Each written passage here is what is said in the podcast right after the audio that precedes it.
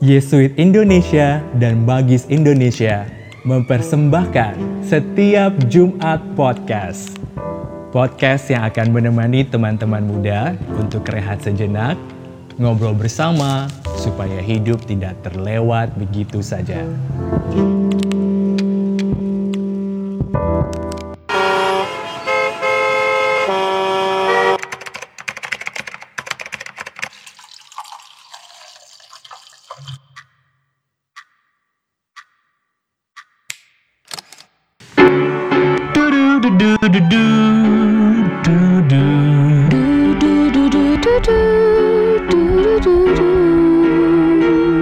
Setiap Jumat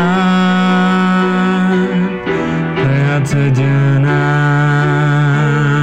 Ngobrol bersama cari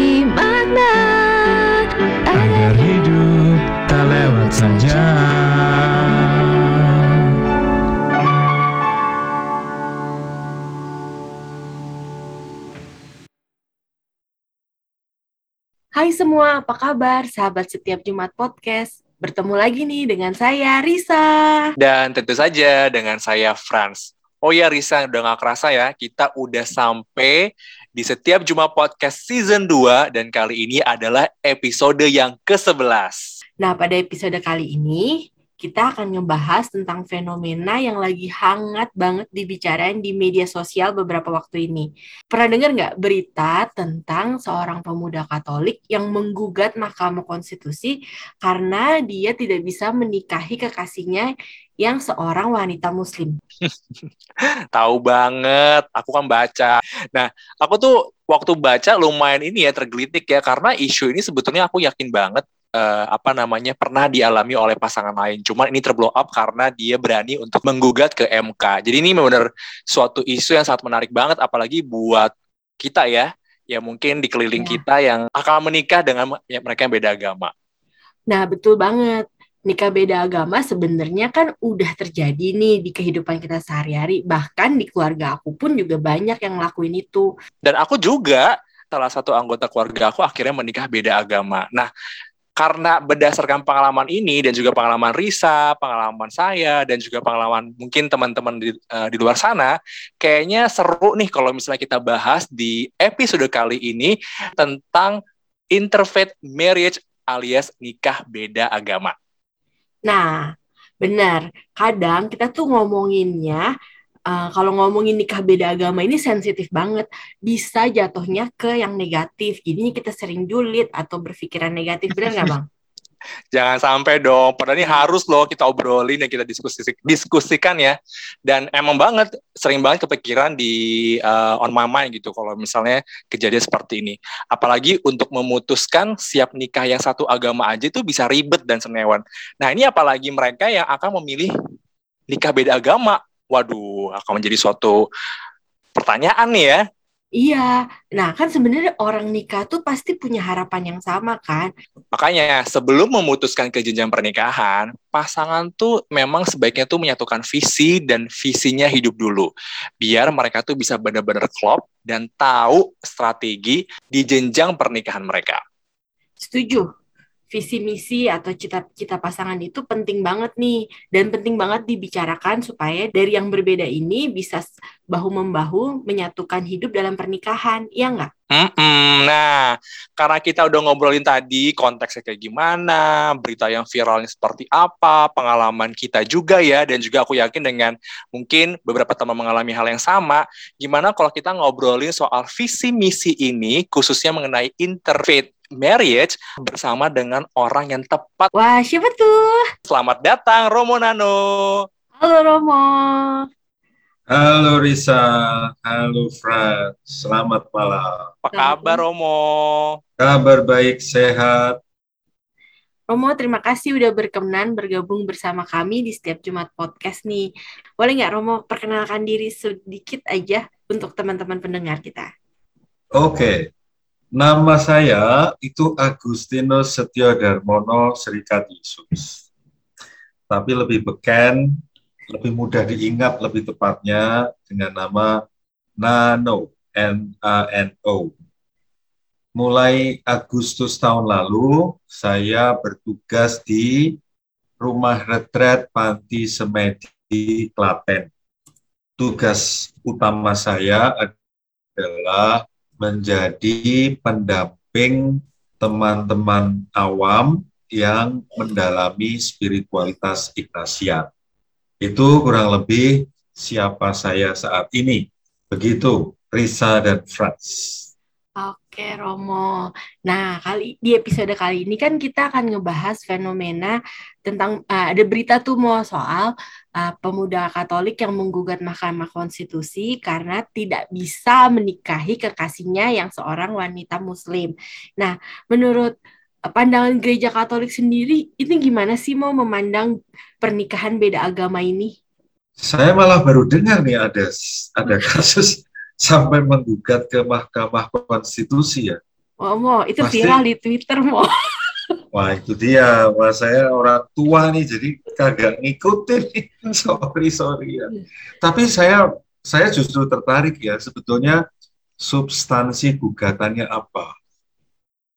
Karena dari dari dalam gereja Katolik sendiri, dari sisi hukum gereja, sebetulnya ada peraturan-peraturan yang memperbolehkan adanya istilahnya adalah dispensasi beda agama. Ya, jadi gereja Katolik tetap memberi ruang pada pernikahan berbeda agama atau bahkan berbeda gereja. Kalau berbeda gereja itu berarti antara orang Katolik dengan orang Kristen Protestan orang gereja Kristen Jawa, macam itu. Kalau beda agama berarti bisa Katolik dengan Islam, Katolik dengan Hindu, Katolik dengan Buddha, dan seterusnya.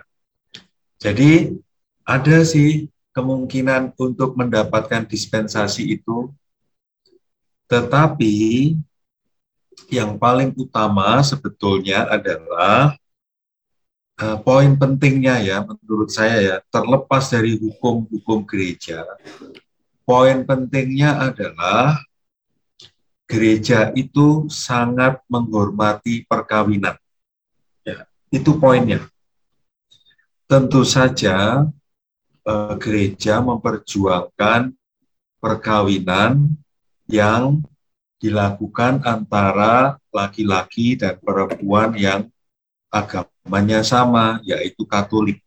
Tentu itu prioritas utama. Saking pentingnya perkawinan menurut gereja, gereja sendiri punya pandangan bahwa relasi antara suami dan istri itu sama dengan relasi antara gereja Katolik sebagai sebuah institusi dengan Tuhan Yesus Kristus. Serem enggak? Seru kan? Serem dan seru loh itu. Itu bobotnya tinggi. Selain itu, gereja Katolik itu punya prinsip bahwa perkawinan itu suci dan uh, fundamental. Yang saya katakan fundamental adalah itu menjadi menjadi pondasi dasar untuk pertumbuhan anak-anak yang dilahirkan di keluarga itu. Karena sedemikian pentingnya perkawinan itu, maka gereja mengupayakan perkawinannya itu hanya sekali seumur hidup sampai salah satu pasangan meninggal. Baru dimungkinkan yang bersangkutan bisa menikah lagi. Dan dan tentu saja seperti yang saya katakan tadi, uh, perkawinan antara dua orang yang sama agamanya. Itu prinsip utamanya, Risa dan Franz. Iya Romo, dan seperti yang disampaikan tadi bahwa memang gereja itu sangat uh, apa namanya ya menempatkan sebuah pernikahan itu sangat penting dan juga memberikan ruang atau dispensasi bagi mereka apabila ada pernikahan beda agama. Namun yeah. menjadi suatu menarik apabila seandainya nih eh, sebelum menikah pertimbangan seperti apa sih yang perlu dipikirkan dan dibicarakan ketika awal memutuskan hubungan dengan pasangan yang berbeda agama. Jadi belum menikah nih.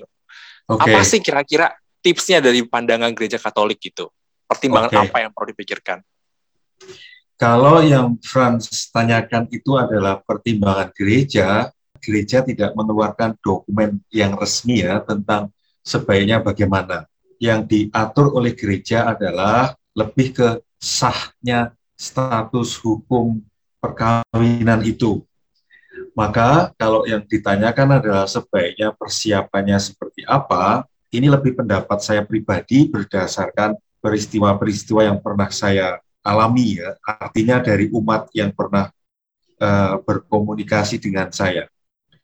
Pertama, menurut saya ini sangat penting, yaitu kalau kita mau menikah, itu berarti kita akan berurusan dengan keluarga keluarga inti maupun keluarga besar dari orang yang mau kita nikahi.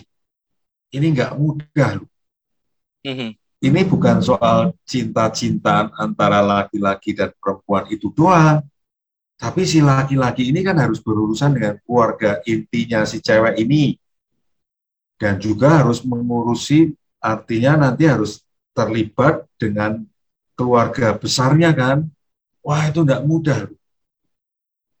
Maka usul saya ya, si cowok maupun si cewek ya harus sungguh-sungguh berani membuka wawasan untuk mengenali keluarga intinya gimana, keluarga besarnya gimana. Kalau keluarga intinya tidak mudah untuk diajak berelasi atau tidak mendukung sama sekali pernikahan beda agama, usul saya nih harus berpikir seribu kali loh. Karena tidak direstuinya relasi karena beda agama itu menjadi situasi yang amat sangat berat. Benar banget sih, mempertimbangkan penerimaan keluarga itu menjadi penting ketika kita datang dari keluarga yang berbeda latar belakang apalagi agamamu.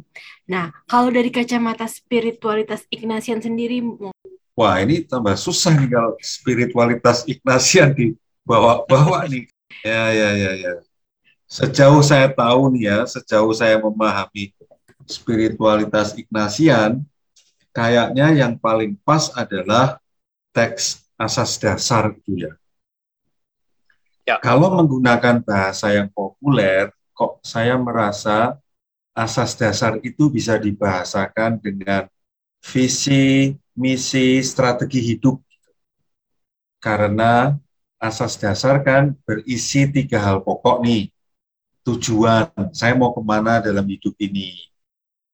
Misi eh, itu kan berarti gimana caranya supaya visi hidupku terrealisasi.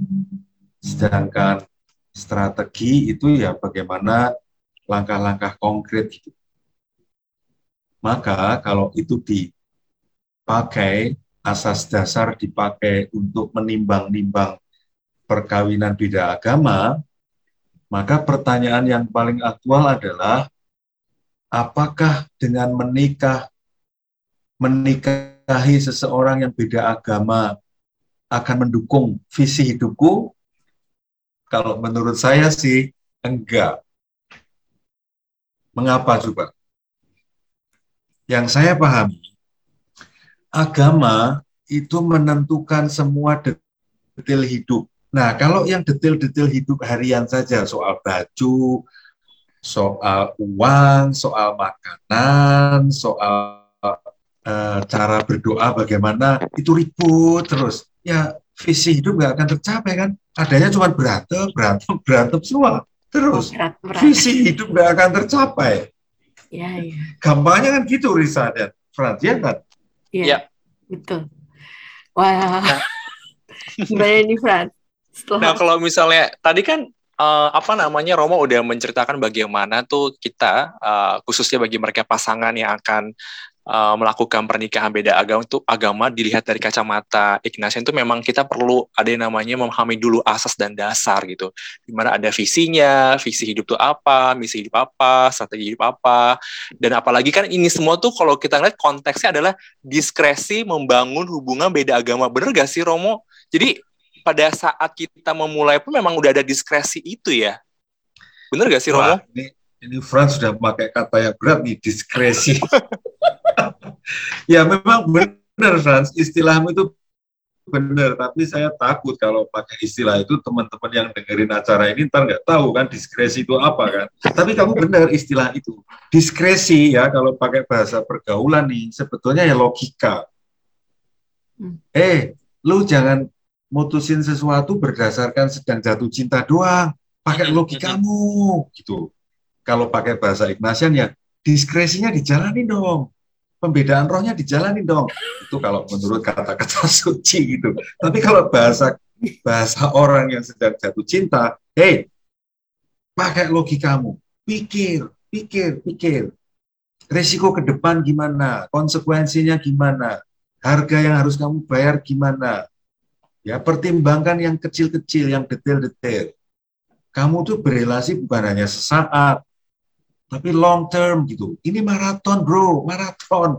Nikah yeah. itu maraton sampai mati gitu. Jadi pikir. Iya, betul. Iya, iya, aku sangat setuju sekali. Memang mungkin bahasa sederhananya seperti yang Romo sampaikan tadi adalah bagaimana kita membangun tidak saja di perasaan, tapi membangun juga uh, kita Betul. untuk menggunakan logika dan juga supaya untuk ke jauh ke depannya kita udah tahu ya apa iya. namanya iya. resikonya, kemudian iya. long journey ya dalam membangun iya, hubungan tersebut ya. Benar. Nah, kira-kira menurut Romo, jadi apa aja sih konsekuensi dari pasangan yang hmm. memilih untuk menikah beda agama? Jadi udah diskresi, tapi semacam diberikan lagi nih pertanyaan konsekuensi apa buat pasangan untuk menikah beda agama? Makin dalam ya Romo ya. Setelah dia sudah mendapat dispensasi itu, Mo. Iya. Konsekuensi ya. pertama ya, konsekuensi pertama kemudian yang paling jelas adalah kemungkinan besar akan mendapat badai. Badai dalam bentuk tidak direstui, ya kan? Pasti nggak ikhlas kan keluarga, nggak akan ikhlas melepas anaknya nikah dengan beda agama. Pasti itu itu itu tidak mudah tidak direstui oleh orang tua, keluarga inti, keluarga besar. Jelas, jadi akan berada di luar komunikasi komunitas yang harmonis gitu ya. Itu berat tuh, secara psikologi berat. Ya ini dari luar, masih dari luar. Ya. Risiko kedua adalah internal pasangan ini nih yang menikah beda agama. Bahkan tadi saya katakan nih, ntar muncul konflik-konflik yang kecil-kecil tapi makin lama makin banyak. Jadi kalau menurut saya resikonya adalah badai, entah itu badai besar atau badai kecil-kecil tapi harian, dampak lebih jauh kalau tiap hari menuai badai. Cinta hilang, maka harus ada kesepakatan. Agama, it's big issue Yes. Tapi masalahnya itu sekarang bukan hanya big issue, small issue kecil-kecil harian. Jadi banyak konsekuensinya sangat banyak kecil-kecil setiap hari. Wah, Romo, ya. terima kasih nih. Gimana, Franz?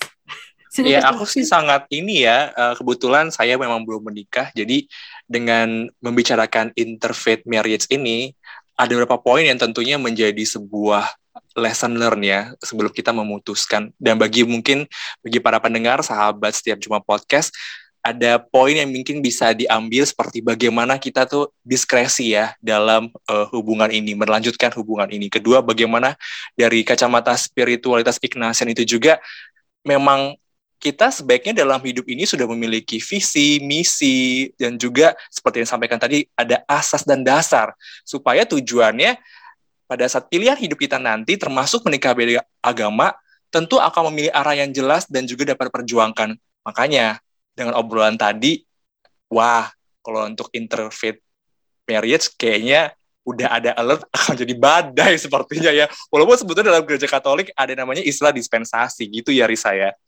Gereja memandang pernikahan itu suci sekali seumur hidup juga kan. Dan ini perlu di poin banget nih ya bahwa pernikahan itu adalah tidak saja sebuah kayak kertas tertulis pernikahan, tapi bagaimana relasi hubungan kita dengan Tuhan ya. Ya nggak Yes. sih dengan Tuhan Yesus ya. Terima kasih Romo kalau kayak begitu sangat luar biasa. Saya Oke. merasa mendapatkan enlightenment loh Romo. Sahabat setiap Jumat podcast tidak terasa kita udah sampai di akhir podcast kita kali ini. Semoga obrolan kita kali ini bermanfaat untuk sahabat setiap Jumat podcast semua ya. Terutama buat teman-teman yang mau maju ke jenjang yang lebih serius. dengan mendengarkan podcast kali ini dengan temanya Interfaith Marriage. Silahkan apabila teman-teman punya eh, insight menarik dan juga apa yang bisa di-share tentang konten kali ini, boleh loh di-share ke social media. Jangan lupa untuk tag ke akun setiap Jumat Podcast. Dan terima kasih juga buat Romo yang telah hadir dari sini di setiap Jumat Podcast. Baiklah teman, baiklah sahabat setiap Jumat podcast, saya Risa. Dan saya Frans dan juga tamu kita kali ini, Romo. Romo Nano. Pamit undur diri, sampai ketemu lagi di episode selanjutnya ya. setiap Jumat Podcast. Mari rehat sejenak, ngobrol bersama supaya hidup tidak terlewat begitu saja. Du-du-du-du-du-du-du-du.